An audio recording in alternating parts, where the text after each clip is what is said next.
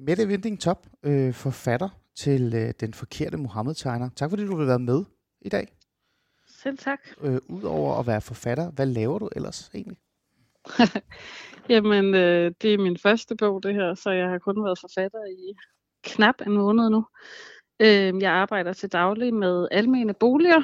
Øh, så har jeg noget, der hedder Barselsakademiet, som er en foredragsklub for forældre, som øh, savner lidt fagligt udsyn under deres barsel. Mm. Så er jeg mor til to, snart tre børn. Okay. Jeg har jo fulgt med siden den her bog øh, kom ud, og vi havde jo talt om, at vi skulle faktisk lave det her interview øh, nærmest lige efter det må komme ud, og måske endda forsøgte jeg før, øh, men, ja. men nu er vi her. Hvorfor var det egentlig, du valgte at sætte dig ned og, og lave det her? Altså en bog om et, om et emne, som er så, lad mig bare være ærlig at sige, springfarligt, som det overhovedet kan være. Ja. Ja, det må man sige, det er. Jeg tror også, man skal på en eller anden måde have nogle øh, masochistiske tendenser for at kaste sig ud i sådan et bogprojekt her. Hold altså, jeg, er, jeg er uddannet i uh, tværkulturelle studier, så derfor så har den her krise altid uh, interesseret mig enormt meget, fordi at der jo er nogle helt tydelige tværkulturelle dilemmaer på spil i uh, Mohammed-krisen eller karikaturkrisen, eller hvad man nu vil kalde den. Mm. Øhm, men selve bogprojektet udsprang af, at jeg øh, stødte på historien om øh, den Mohammed-tegner, der hedder Lars Reffen, som øh, hele tiden har været imod projektet, og som derfor ikke tegnede øh, en tegning af profeten Mohammed, som han blev bedt om, men i stedet gjorde grin med Jyllandsposten. Og jeg synes bare, det var så interessant, at der var en af de her 12 tegnere, som ligesom var en fuldstændig anden version end Kurt Vestergaard, som er den, de fleste forbinder med de 12 tegninger. Og der er jo mange mennesker, der kan nævne andre bladtegnere end Kurt Vestergaard. Mm. Så det var, jeg tog kontakt til Lars, og så introducerede han mig til mange tegnere og nogle af de andre Mohammed-tegnere. Og så var det egentlig i samtaler med dem, at historien lige så stille begyndte at, at udfolde sig. Øh, en hel masse ting, som de sagde, jamen det har vi jo altid været i tvivl om, eller den der historie, den, det var jo ikke ligefrem sådan, det fandt sted. Og, altså sådan nogle ting, som, som ligesom bare er blevet en del af deres historie, men som var nyt for mig og meget overraskende. Øh, og fordi der havde været de her snakke på, på folket, eller i Folketinget om, øh, om krisen skulle ind i pensum, så synes jeg, at det begyndte at være ret relevant at tage fat i de her uafklarede historier og finde ud af, jamen, øh, hvad er egentlig op og ned her? Fordi hvis historien skal skrives ind i, i, i lærebøger, så er vi nødt til at, at, at, at, at lade den hvile på fakta mm. og sikre, øh, ja, sikre begivenheder. Så i virkeligheden så er den her bog og din interesse for Mohammed-krig form for øh, søgen efter øh, sandheden, kan man sige, men i hvert fald øh, alle vinkler på historien. Er det rigtigt forstået? Ja, ikke alle vinkler. Altså man kan langt fra sige, at min bog er en, der dækker alle vinkler. Jeg har slet ikke den udenrigspolitiske del med. Mm. Øh, jeg har syv nuancer, jeg tager fat i. Øh, ja. Der er en hel masse mere, man kunne have taget fat i, men, men jeg kan ikke nå omkring alting. Så jeg har ligesom valgt syv nedslagspunkter. Mm. Og det får mig sådan helt naturligt hen til de syv nuancer, som netop er min, min næste spørgsmål. Hvorfor præcis de her syv øh, nuancer, og hvilken af dem er altså de mest centrale i dem? Mm, jeg tror, jeg vil sige, at der er to, der er de mest centrale, som sjovt nok også er dem, der, øh, eller ikke sjovt nok, men øh, måske naturligt nok, er dem, der har fået mest opmærksomhed. Mm.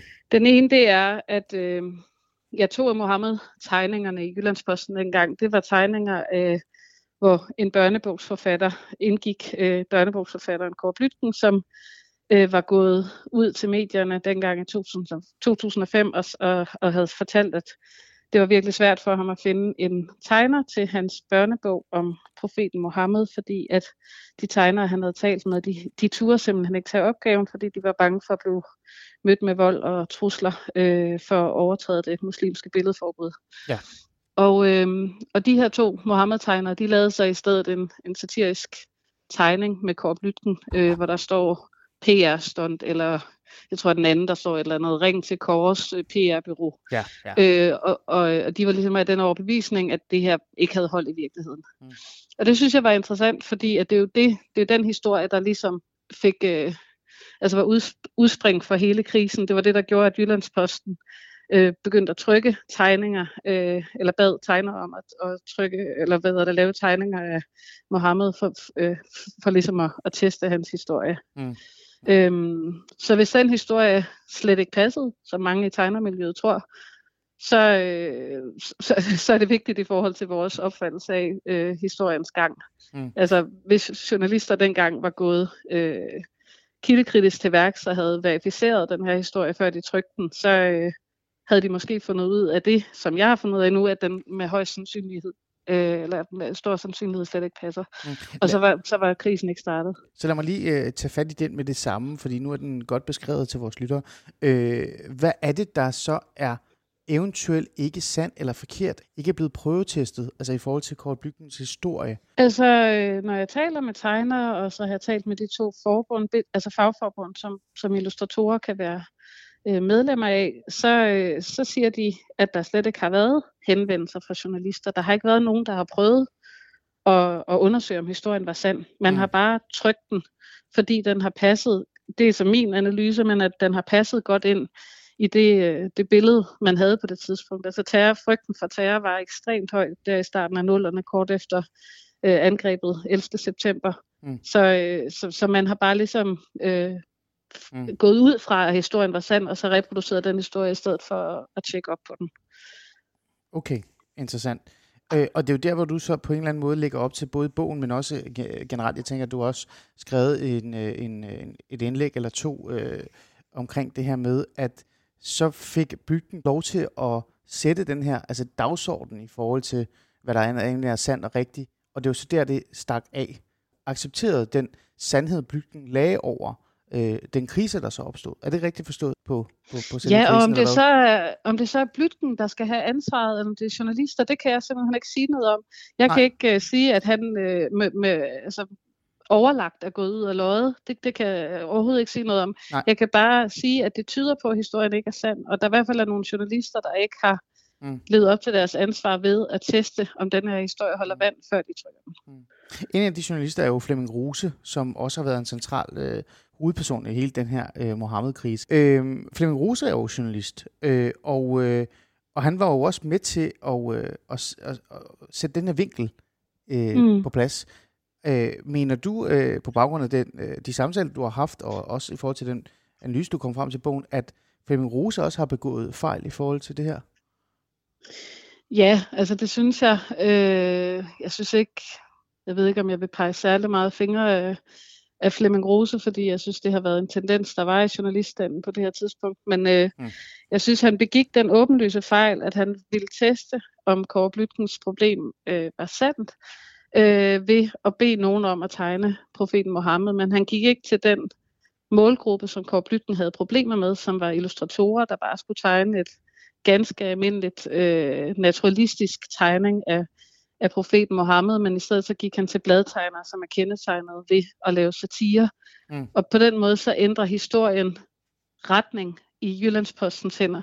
Fordi den går fra en forfatter, der siger, at jeg skal bare have en til at tegne nogle, nogle helt almindelige tegninger af en øh, af Mohammed, ah. og så hos Jyllandsposten bliver det et satirisk projekt. Øh, hvis vi lige kort lige vender øh, det, det andet, øh, for der er jo netop syv punkter, ikke? eller kan man sige punkter, men i hvert fald øh, ting, du slår ned på. Øh, jeg spurgte dig, om der var øh, en af de andre, man også skulle være opmærksom på, før vi gik videre til... Øh... Ja, ja, og den, den, altså den må jeg faktisk sige, har overrasket mig lidt, fordi jeg ja. har, øh, hvad hedder det, og, og det er egentlig også den her, jeg, jeg stod lige med en forleden, øh, der har beskæftiget sig med krisen i, øh, lige siden den startede, som sagde, at, øh, at hele historien om Kåre har jo altid været fuldstændig ukontroversiel. Det har været noget, alle har vidst. Hvis du googler øh, krisen på Wikipedia, så står det også nævnt helt i starten, at, ja. at man ved simpelthen ikke, om, om, om historien om Kåre passer. Så der, der er slet ikke noget kontroversielt i, at jeg går ud og prøver at verificere det. Det er, sådan, det er bare en ren journalistisk opgave. Det andet er, at, at jeg har læst en rigtig god bog af, af en af Danmarks største terroreksperter, som arbejder for Forsvarets efterretningstjeneste nu og har arbejdet for PET tidligere, Anja Dalgaard Nielsen, ja. som har skrevet ligesom sådan en guidebog til, hvordan vi lærer at leve med øh, truslen fra terror, og hvad, hvad den gør ved vores psyke og ved vores adfærd osv. Øhm, og den har jeg så brugt øh, rigtig meget i min bog til ligesom at forklare, mm. jamen hvis der er selvcensur på spil. Hvorfor er der så det? Jamen det er der, fordi at, at terror har den virkning på os, og vi oplever den langt mere nærværende og magtfuld, end den er. Og derfor så er der en rigtig god pointe i at prøve at forholde os øh, til reelt, hvor lille truslen er, og prøve at hjælpe hinanden med at være en del af samfundet, og leve det liv, vi gerne vil. Ikke øh, hæmme os selv, øh, ikke øh, lægge beslag på vores frihed på, på alle mulige øh, forskellige måder, fordi mm. at hvordan civilsamfundet agerer i en terrortid er faktisk et, en ret afgørende brik i forhold til at bekæmpe terrortruslen. Mm. Øhm, så det synes jeg bare, at øh, det, det er sådan en bog, jeg selv var utrolig glad for at læse, fordi den er, ja, det er jo en, der virkelig ved, hvad hun taler om, der kommer med de her råd, men det giver også ekstremt god mening, at, øh, at vi går jo selvfølgelig terroristernes ærne, når vi taler truslen op, som den har har, øh, er blevet ekstremt meget de seneste øh, 22 år siden øh, angrebet på 11. september. Mm. Så det var egentlig sådan en, en, en del af bogen, jeg tænkte ville være, være rar at læse, men det er folk virkelig rasende over. Altså det, det er som om, der er et kæmpe behov øh, for nogle grupper i befolkningen for at, at, øh, at fastholde øh, en, en meget, meget nærværende frygt mm. for, for, for terror, og man har ikke lyst til at få at vide, at, øh, at den ikke er så nærværende, som, som vi oplever den som. Hvad er det egentlig, der... Lad os starte med den her overraskelse. Hvad er det, der har overrasket dig i forhold til den kritik, og øh, du har modtaget efter at have skrevet bogen? Jamen, der, der er flere lag af det, ikke? Altså, jeg tror, jeg var ikke overrasket over, at der vil være kritik. Altså, jeg har, jeg har skrevet meget om global, øh, ikke globalisering, men polarisering i min mm. bog. Fordi, ja, at, øh, at den her, ja, fordi den her krise er i høj grad et udtryk for polarisering også. Altså det er to fronter, mm. der, der ligesom står og råber i hver deres ende, og det er også derfor, at den får lov til at blive ved med at holde blive holdt i live, den her øh, konflikt. Ikke? Mm. Så jeg vidste godt, da jeg skrev bogen, at der vil være nogle af de her fløje, som, som ikke vil være lydhør for nuancer, som er det, jeg prøver at præsentere i bogen. Men, men jeg har været overrasket over, hvor, altså, jeg er som sagt debutant, jeg er et ukendt navn, men den, det er jo, altså, stort set alle landsdækkende medier, der har dækket bogen indtil videre. Det synes jeg har været ret vildt. Øhm, mm. Så har det også været vildt, at, øh, at danske bladtegnere på den måde er gået ud øh, og med, med en hovedkritik af, at ja. jeg prøver at teste, om Blytkens historie er sand. Altså de kritiserer mig for og øh, jeg konkluderer jo ikke, at den, nok, at den ikke er, er sand, men jeg siger bare, at jeg kan ikke finde nogen, der kan bekræfte den. Mm. Og det er der aldrig nogen, der har kunnet. Det, det overrasker mig, både fordi, at der er ikke noget kontroversielt i det, men det overrasker mig også, fordi to af afsenderne på den her kritik er nogen, der selv med deres Mohammed-tegning øh, bidrog til at rejse den tvivl, tvivl om Kåre Blytken, og som mig bekendt stadig er den overbevisning, at det ikke passer, altså at det var et PR-stunt. Mm. Øhm, så jeg har sådan oplevet meget af den her kritik som et stort behov for at slå ned på bogen, nærmest sådan under versaler, læs ikke denne bog, men, men ikke blevet, altså jeg er ikke blevet mødt med særlig meget øh, modargumenter, eller folk, der har udfordret mine synspunkter. Det har mere bare været sådan, mm. nej, det er forkert, eller mm. Ellers så har jeg fået øh, præsenteret for, jeg ved ikke hvor mange strømmænd om, om ting, jeg aldrig nogensinde har skrevet noget om. Ja. Men fordi at, at debatten er polariseret, så antager de ligesom, når jeg kommer med nuancer, så må jeg også mene, at, mm. at det er lidt synd for terroristerne, eller det er lidt øh, mm. vores egen skyld det hele. Eller, altså jeg er blevet øh, simpelthen fået skudt så mange ting i skoene, som, som har meget lidt at gøre med den bog, jeg har skrevet. Mm.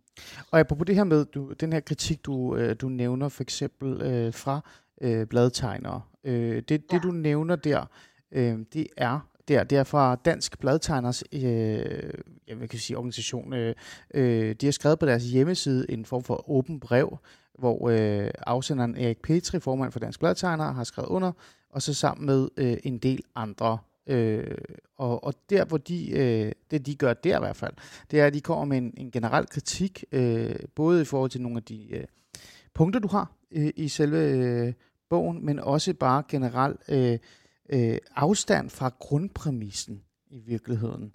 Øh, hensigten bag den her, øh, hvad kan vi sige, øh, kritik, er jo også på en måde at sige, at, tror jeg, og nu spørger jeg dig med det, er at sige, at øh, den sandhed, eller den fortælling, du kommer med, og det er jo så der, hvor vi kommer hen til den der øh, det her citat, jeg sådan har også taget fat i, og det er ikke fordi, vi skal duelle så meget det over citat, men den her med, den offentlige øh, fortælling om krisen stemmer langt overens med, hvad der virkelig skete. Jeg føler lidt, det er jo den, de et eller andet sted øh, udfordrer og siger, det kan man faktisk også sige om din bog. Den er langt mm. fra virkeligheden. Hvad tænker du om det? Jamen, jeg læser øh, Erik Peters brev der som, at han har forstået min bog som øh, en, en dækkende beskrivelse for, for hele krisen. Og det, øh, det kan jeg ikke bebrejde ham, fordi der har været nogle øh, debattører ude meget hurtigt og skrive øh, forskellige steder. Jeg har skrevet en, en undervisningsbog til folkeskolen, og det har jeg altså overhovedet ikke. Det vil være verdens dårligste undervisningsbog, hvis det var, fordi den er som sagt overhovedet ikke dækkende. Jeg har ikke den udenrigspolitiske del med. Mm. Jeg har slet ikke lavet nogen kronologisk gennemgang af, hvordan krisen har udfoldet sig, fordi det har rigtig mange andre dygtigt gjort før mig. Mm. Øhm, men, men jeg har skrevet en bog om en Mohammed-tegner, hvor jeg stiller skarp på en Mohammed-tegner, altså ikke 12, Nej. men en, og så, og så skriver jeg og andre nuancer. Så det er ikke øh, sandheden om karikaturkrisen, det har jeg ikke skrevet nogen steder. Jeg skriver endda eksplicit, det er ikke sandheden, det er mm. bare nuancer, som er med til at forme vores, vores totale billede af, hvad det er for en krise, der fundet sted. Mm. Så jeg kan godt se, hvis de på en eller anden måde har forstået øh, bogen som, øh, som et eller andet totalbillede af krisen, at, at den har sine mangler. Det har den jo helt øh, åbenlyst. Mm. Men, øh, men det er jo ikke noget, jeg har været ude at sige. Altså det er ligesom igen øh, nogle af de der kritikpunkter, der har cirkuleret helt fra starten, uden jeg rigtig har haft noget med det at gøre. Ja, så, så det du siger, det er, at på en eller anden måde, så har øh, Dansk Bladtegner øh, og øh, ja, med Erik Petri i spidsen, formand for Dansk Bladtegnerbestyrelsen, øh, de har faktisk misforstået, hvad din hensigt er i forhold til bogen.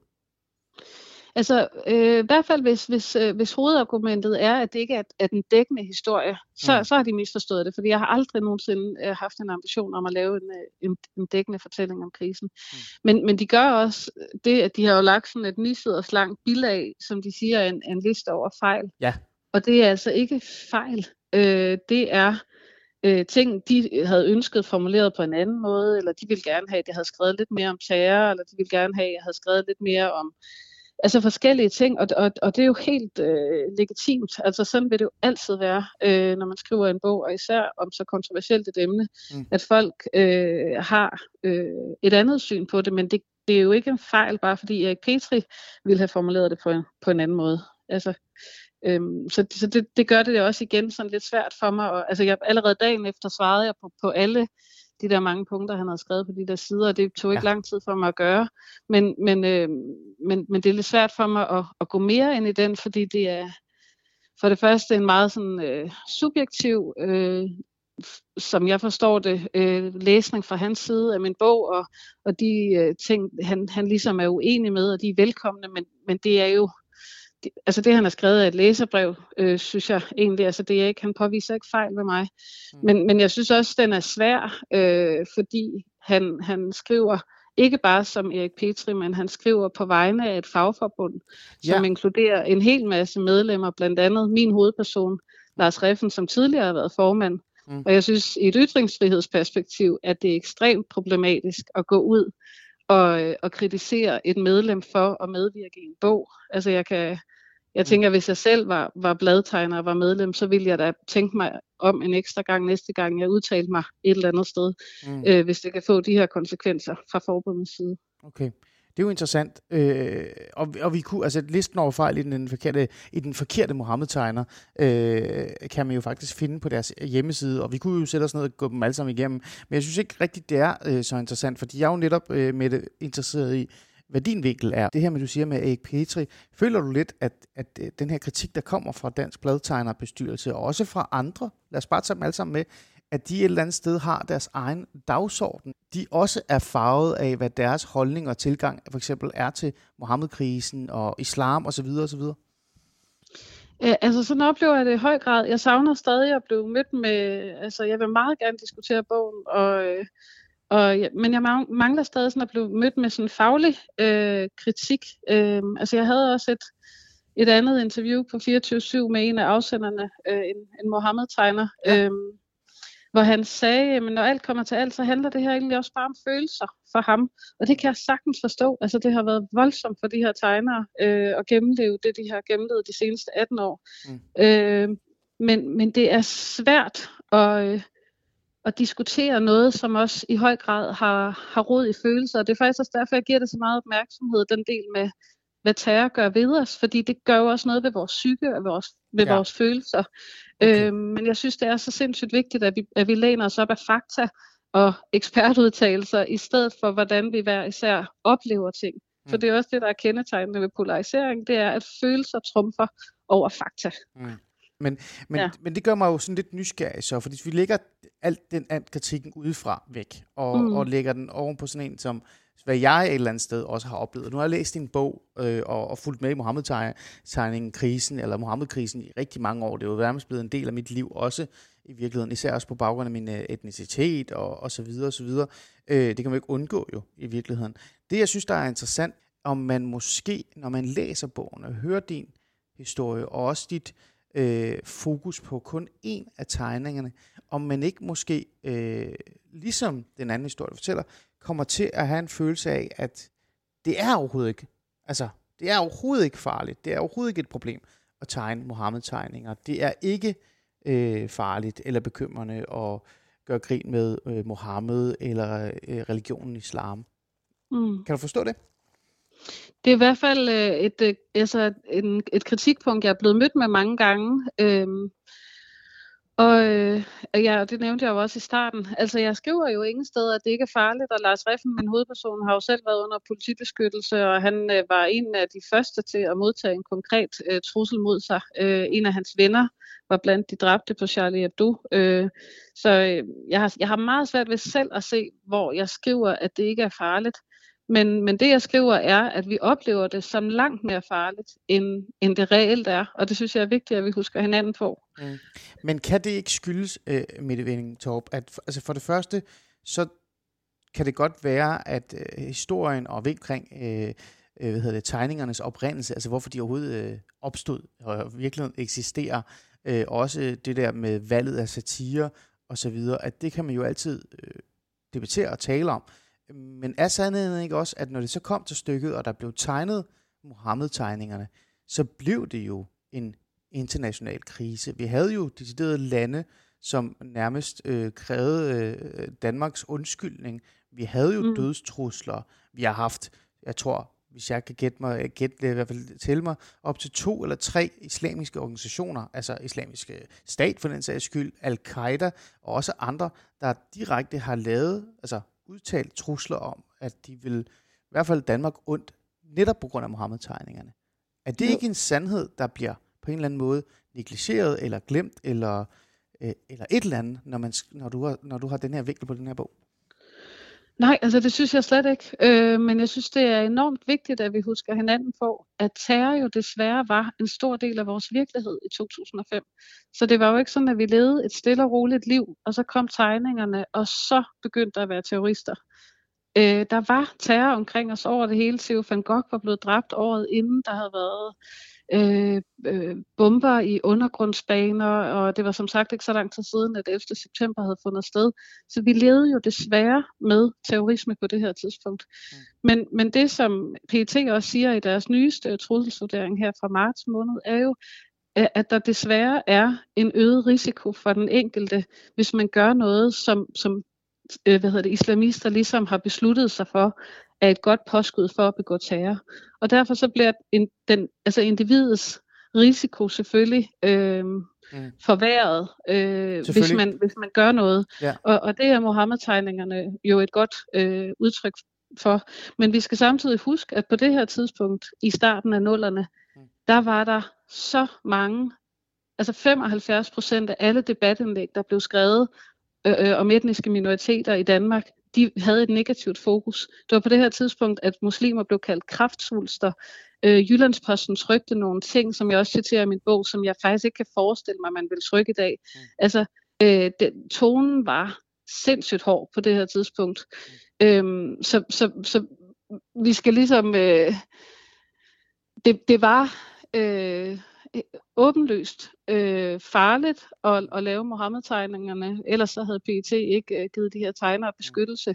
Men der kom et væld af ytringer, og, øh, og altså Weekendavisen trykte jo deres egen 10 Mohammed-tegninger bare måneden efter, ja. uden det havde konsekvenser. Altså, så så der, der, der var masser af kritik mod islam, som ikke blev mødt med terror, og det glemmer vi lidt, øh, når vi taler om det. Okay. øh, der bliver også nævnt i din bog, at, øh, ret mig gerne, hvis det er forkert, at ingen tegner det sted var bange. Susie Bæk, som også er med i din bog, hun har jo øh, udtalt, at hun faktisk var bekymret. Øh, der er også øh, ideen omkring det, ligesom du siger det her med, at vi havde jo en terrortrussel på os. Så kan, kan man ikke sige i sidste ende, øh, at det du gør her i virkeligheden i din bog, du viser en ny vinkel på det, du sætter nogle øh, relevante spørgsmål, synes jeg også endda, efter jeg har læst bogen, men alligevel så kan man ikke pille ved sandheden, der hedder, at Mohammed-krisen og Mohammed-tegningerne blev jo en virkelighed på baggrund af, at man lavede nogle satiriske tegninger af Mohammed, og det ville muslimer ikke have. Øh, jo, det kan man godt sige, men så skal vi jo ændre fuldstændig vores, øh, vores tilgang til historien, hvis, øh, hvis ophavet til historiske begivenheder er ligegyldige, når ting udfoldede sig, som de gjorde. Mm. Og det er jo i hvert fald øh, et helt nyt greb inden for historisk hævning. Mm. Hvad, altså, hvad, jeg synes, det? Hvad mener du med det? Altså, lige... Øh, jeg, jeg siger, det er i hvert fald øh, for simpelt at sige, det er ligegyldigt, øh, om, om Glytkens historie passede eller ej, fordi vi så selv, hvad der skete. Mm. Altså, det er rigtigt. Øh, jeg taler med en tegner, som siger, øh, at hun tror ikke, hun ville have tur tegne, hvis øh, Blytgen havde tilbudt hende opgaven. Hun blev ikke tilbudt den, men hun, hun siger, at det ville hun nok ikke have gjort. Hun ja. er den eneste, jeg har talt med. Mm. Øh, så det er ikke mig, der siger, at øh, tegnerne var ikke bange. Det er tegnerne selv, der siger, det var slet ikke noget, vi tænkte over på det tidspunkt. Den person, mm. der endte med at tegne mm. øh, Kåre Blytkens bog, havde heller ikke overvejet, at det kunne være farligt. Nej. Øhm, så, så, så det er egentlig bare, øh, den del af, af min bog, det er egentlig bare helt simpelt journalistisk prøve at bekræfte, passer den her historie, eller passer den ikke? Mm. Øhm, i forhold til, hvorfor krisen eskalerede, som den gjorde, så øh, er der alle mulige forskellige forklaringer. Som sagt er jeg ikke inde på den udenrigspolitiske del, men der er øh, dygtige folk, der før mig har skrevet øh, dele om netop den udenrigs politiske del og siger for eksempel i Ægypten, hvor, hvor, hvor det virkelig øh, tog fart, ja. der, var der, et, øh, der var der ved at være valg, og der var, derfor brugte man tegningerne til meget kraftigt at, øh, at, at positionere sig over for den vestlige verden. At det mm. var et indrigspolitisk, strategisk øh, ja. greb. Mm. Øh, så den er lidt mudret, end, end, end, end det bare lige bliver udspillet? Altså, øh, det, det er langt, langt ja. mere ja. øh, detaljeret og nuanceret, ja. end jeg overhovedet kommer ind ja. på. Men det ændrer jo bare ikke rigtigt på den sandhed, øh, som, øh, som er jo, øh, og også står i forskellige terrortrussels øh, beskrivelser osv., det er jo det her med, at, at når man, og hvis man øh, laver håns, blot, latterliggørelse, eller tegner satirtegninger af, af Mohammed, så, så er der nogle individer og nogle grupper, øh, med, altså muslimske grupper, som decideret reagerer med, at vi slå dig ihjel. Synes du, du negligerer det i din bog, og den måde, du øh, sætter fokus på øh, Mohammed-krisen? Nej, slet ikke. Altså, det er jo, øh, terror er des, altså, desværre en del af vores virkelighed. Det var det dengang, og det er det i dag. Mm. Og jo mere man gør noget, som tiger de her terrorister, jo mere udsat er man mm. desværre. Grunden til, at jeg tager øh, de der øh, statistikberegninger med, som Anja Dalgaard Nielsen præsenterer, ja. med hvad risikoen er for at, at, at blive udsat for et terrorangreb. Det er fordi, vi kan jo desværre ikke lave de samme beregninger på, hvis man har lavet satire. Altså det vil kræve, at, at vi var til stede, altså kunne lave en kortlægning over hver eneste ja. gang en lærer står i et klasselokale og underviser i krisen, viser tegninger af Charlie Hebdo eller mm. øh, fra Jyllandsposten, hver gang nogen deler noget på sociale medier. Alt det, det er umuligt at lave den kortlægning, mm. så vi kan ikke sige, hvad er risikoen for ja. at gøre noget, der kan tire terrorisme. Men du Men vi kan sige, ikke, at, at, altså, det, at der er den her mulighed. Vi kan bare ikke rigtig ja, ja, tegne det. Mette Vellingetorp, vi kan blive med at tale om den her, øh, det her lige eksempel i mange, mange timer, tror jeg, og det er også det er meget kritikken gerne, men jeg er jo nysgerrig omkring nogle andre ting også. Så lad os gå videre til ja. det. Tør du og, øh, og tegne Mohammed-tegninger, eller lave Mohammed-tegninger, eller lave satire med, med religion islam egentlig? Øh, jeg har ikke øh, noget, jeg har aldrig haft behov for det. Altså jeg tænker, det må starte med der. Der var også mange af Mohammed-tegnerne, der sagde, ja. da de fik stillet den her opgave, det var noget, de aldrig nogensinde havde haft behov for eller overvejet at gøre tidligere. Man gjorde det kun fordi, at, øh, at, at, at mm. historien om Blytgen ligesom kom frem. Ikke? Jo. Øh, jeg tror, at jeg går meget ind for at normalisere hele det her. Altså hvis jeg øh, skal ud, og jeg holder oplæg om min bog, øh, hvis jeg finder det relevant at vise øh, for eksempel Kurt Vestergaards tegning, som jo reelt er den eneste, der, der virkelig er ja, kan, det, kan provokere nogen. Og til vores så, lyttere, så er det den, øh, altså den Mohammed med, med, med en turban og så sådan en bombe. Er det ikke den, vi taler om? Det er bare jo, så alle jo, kan være præcis, med. Ja. Der er et par og det er ligesom den eneste, ja. folk rigtig kender. Altså, ja, der er et par andre øh, også, men den er den, de fleste kender. Men vil du, ja. vil du kunne, altså lige netop det, netop, og det er jo det, der er spørgsmålet med Henning Talk, fordi du skal ud og holde en masse for top, undskyld. Du skal ud og holde, lave en masse foredrag jo. Og, øh, mm. og det her øh, og du skriver også i bogen, at grunden til at du også et eller andet sted er interesseret omkring det her, det er jo fordi at vi skal jo det her det bliver jo en del af undervisning. Øh, og det er jo noget, vores næste generationer og næste generationer skal forholde sig til. Så derfor så er det jo mm. også et godt spørgsmål. Øh, vil du vise Mohammed-tegningen? Du er selv lidt ind på det, men kommer du til at vise den?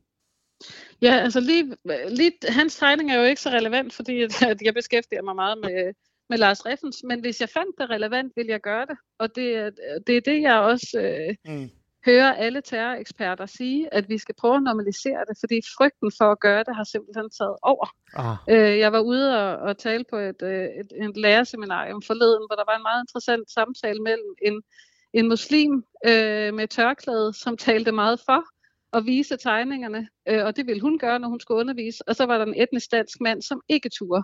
Mm. Og det synes jeg er et meget fint eksempel på, hvordan der er en, en tværkulturel kløft her. Mm. Altså angsten er taget over. Vi har en forestilling om, at muslimer de reagerer øh, med, med vrede og vold, så snart de ser de her tegninger, men det er noget, der er vokset sig for stort op i vores hoved. Det ændrer selvfølgelig ikke på, at der kan være muslimer, der bliver krænket og kede af det, og det er så en svær situation, de enkelte lærere skal, skal stå i. Og der, der vil jeg mene, at det er op til den enkelte lærer ligesom at bedst vurdere, mm. hvad er det for en elevgruppe, jeg har. Øh, kan det være et problem? Er der nogen her, der, der, der vil reagere voldsomt? Men det er øh, et problem, som lærere står overfor i alle mulige sammenhænge, øh, når de så skal undervise ikke, er, i svære emner. Så du synes ikke, den er sværere? Altså det her emne er sværere, og der er større sandsynlighed for, at du kommer netop til at stå i sådan en situation, hvor du bliver nødt til at fravælge at vise en Mohammed-tegning, hvis du føler den relevant, på baggrund af, af den reaktion, der vil komme i klassen? Du tænker ikke, der er større sandsynlighed for det, når det handler om Mohammed-krisen? end andre? Øh, ja, altså det, det ved jeg faktisk ikke nok om. Jeg er ikke lærer. Altså jeg, jeg ved, at der er masser af lærere, jeg taler med, som underviser i krisen og viser tegningerne, og har gjort det lige siden øh, 2005, og aldrig har haft problemer med det. Mm. Øh, men vi kender jo også alle sammen til det der ene eksempel med en lærer, som er blevet øh, mødt med trusler efter, hun har sagt, at hun vil gøre det. Og det er jo de historier, der får lov at cirkulere og skræmme os alle sammen. Men, men... Så jeg kan sagtens forstå, hvis der er lærere, der er betænkelige ved det. Men hvis du kommer ud til et foredrag, øh, og du ved, du skal ud på en skole eller på en, øh, på øh, en institution, eller hvad det nu er, ikke? hvor der er en stor procentdel af, med minoritetsetnisk baggrund, med muslimsk baggrund. Vil du så tøve med at vise Mohammed-tegningen, fordi du vil tænke, der er nogen, der kan reagere negativt?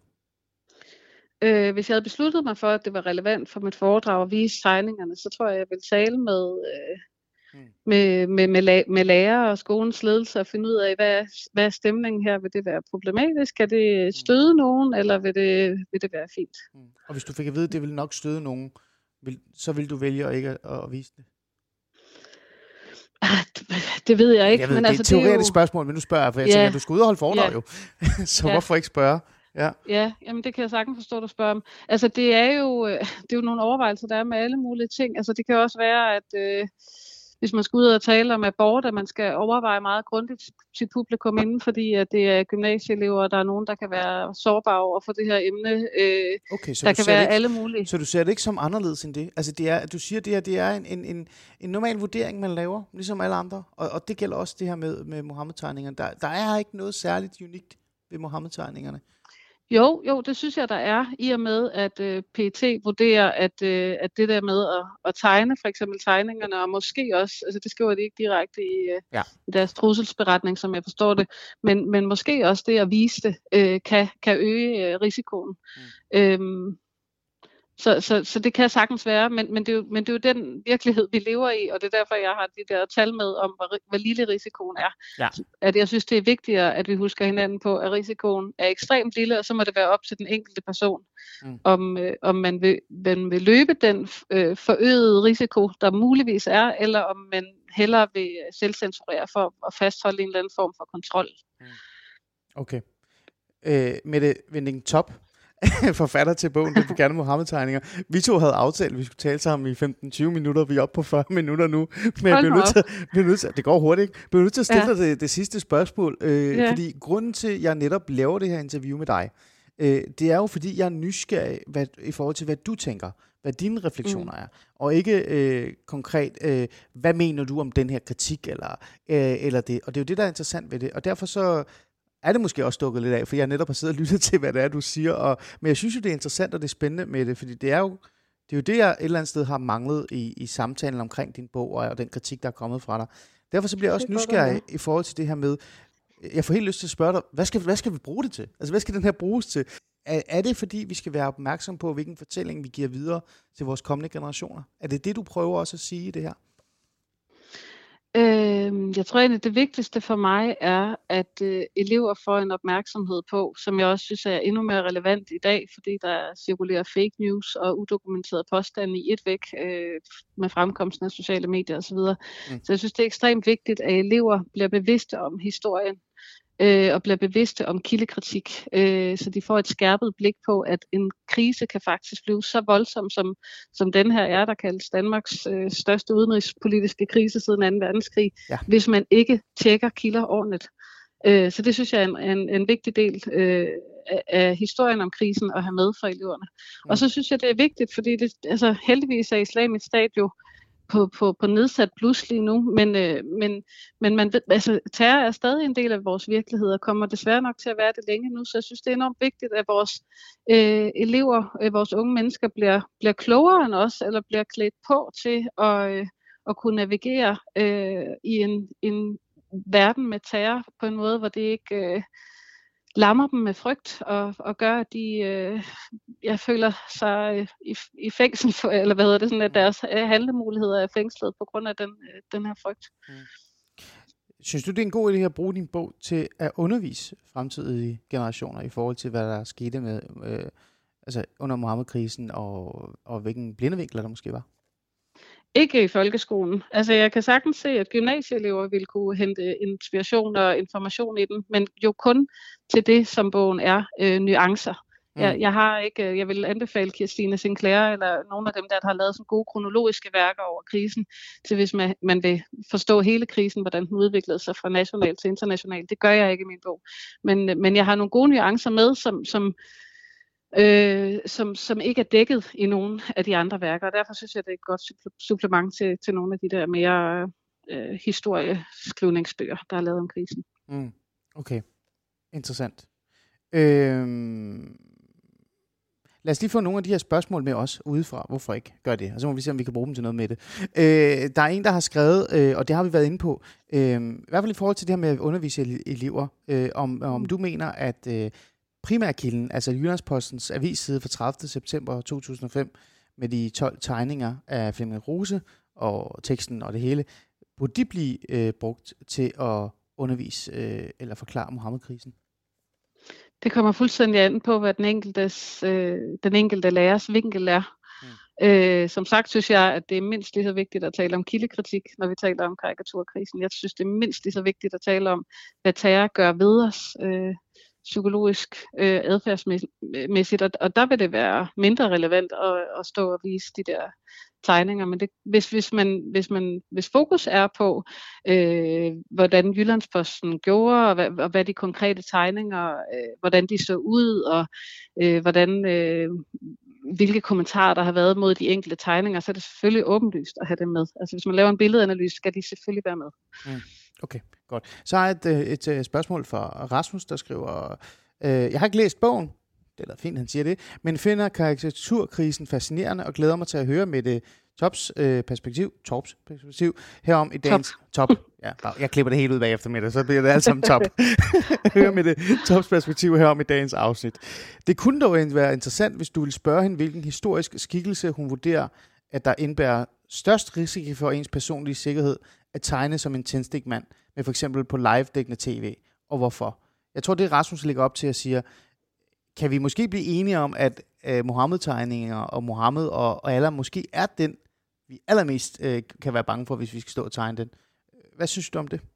Jamen det, det tror jeg, jeg er meget enig i. Altså den, øh, den mest fremtrædende øh, trussel, øh, hvad hedder det, ter- terroristtrussel, vi har nu, er jo fra øh, islamistiske grupperinger, øh, mm. og de, og de øh, bruger jo netop det der med karikatur mod, øh, eller af af Mohammed eller andre ting i, inden for islam som, øh, som en årsag til at begå terror. Så altså, det, så der er det du vil jeg uenig? sige. Uden, jeg er ikke, jamen jeg er slet ikke terrorekspert, jeg, så jeg Nej. kan ikke gå ind, jeg ved ikke om der er et Nej. eller andet Nej, nej. øh, mørketal af en eller anden bevægelse, som jeg ikke kender til, men ud fra hvad jeg har læst Mm. øh, fra PET og, og så videre, så, så er det da helt klart det, Mm. der er Okay, den største. godt. Så vi fået det på plads. Så er der en anden en, der har spurgt øh, øh, med det. Er det her sandheden? Er din bog sandheden?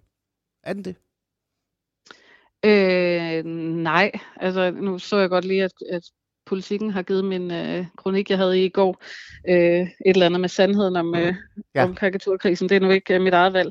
Men øh, nej, det er nuancer til en, en fælles forståelse. Øh, der, der mangler øh, utallige nuancer, som Mm. jeg ikke har med, og som jeg håber, øh, jeg håber i virkeligheden bare, at at, øh, at min bog kan være startskud til en mere nuanceret fortælling om krisen. Nu har jeg bidraget med syv nuancer, så kan det være, at der er nogle andre, der har lyst til at komme med syv eller 17 andre nuancer. Mm. Øh, men det er jo i hvert fald øh, en fortælling, som har haft en meget øh, lidt nuanceret fortælling fra starten, eller i hvert fald i den, øh, offentlige fortælling har været meget lidt nuanceret. Så det her det er bare et forsøg på at prøve at, at skyde lidt nuancer ind i noget, der er meget sort-hvidt. Mette Vending Top, forfatter til Den Forkerte Mohammed-tegner, og andre nuancer af karikaturkrisen. Det står jo også på forsiden af, Ja. af bogen. Tak fordi du vil øh, tage tid til at, at, at få et, øh, en god snak med mig. Tusind tak fordi du vil være med. Det kunne være, at vi måske skulle lave en mindre debat en dag. Man ved sgu aldrig. Det, det må vi lige på med det. Ikke? Hvis der er andre, der kommer med andre punkter, øh, som kan Ja, være med til ja. nuancer, ikke? Det vil være spændende. Tak for det, Mette.